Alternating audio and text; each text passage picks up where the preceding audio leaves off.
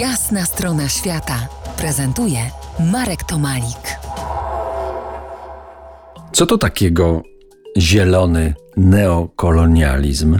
To takie zjawisko, które właśnie, ponieważ neo, czyli nowe, stare, podejście do świata y, z europocentrycznego punktu widzenia.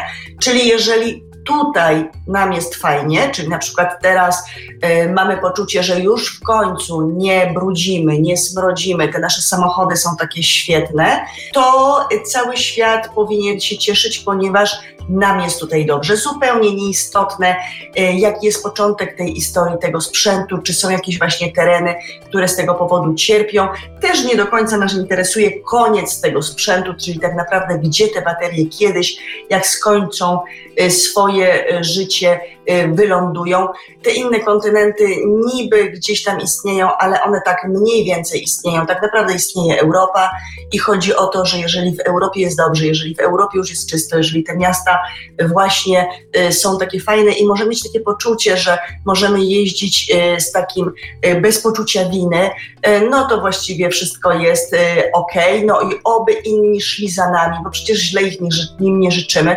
A powiedz, a do czego prowadzi przemysłowe wydobycie litu w chilijskich równinach solnych na pustyni Atacama? Tak, tak konkretnie. Tak konkretnie to opowiem Ci o tym, dlaczego biolodzy i astronomowie na pustyni atakameńskiej pracują razem.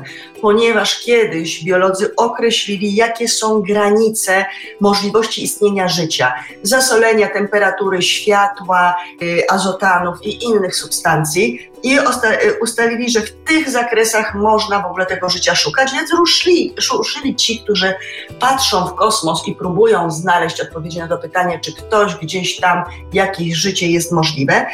No i szukali, szukali, y, a w międzyczasie biolodzy y, z Uniwersytetu w Antofagaście właśnie wkopali się w te solanki, które są jeszcze pod taką skorupą, tam w ogóle światła nie ma i znaleźli najprostsze, najbardziej prymitywne organizmy na Ziemi. I to oczywiście, jak możesz sobie wyobrazić, zrewolucjonizowało absolutnie miejsca, w których szuka się w tym momencie ewentualnie życia w kosmosie. Tak, ale życie, życie to także rdzenni mieszkańcy, którzy nie mają potwierdzonych dokumentów prawnych, tytułów do Ziemi, a Ziemię uważają za karmicielkę to tutaj problem jest chyba bardzo szeroki, prawda?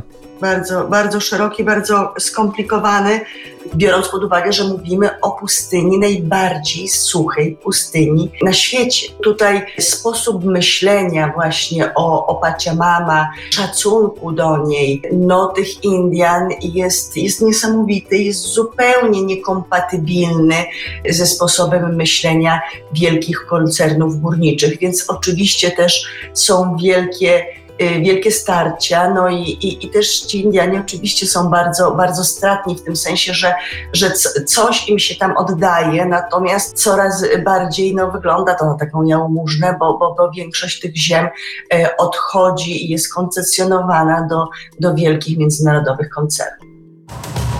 To jest jasna strona świata w RMS Classic.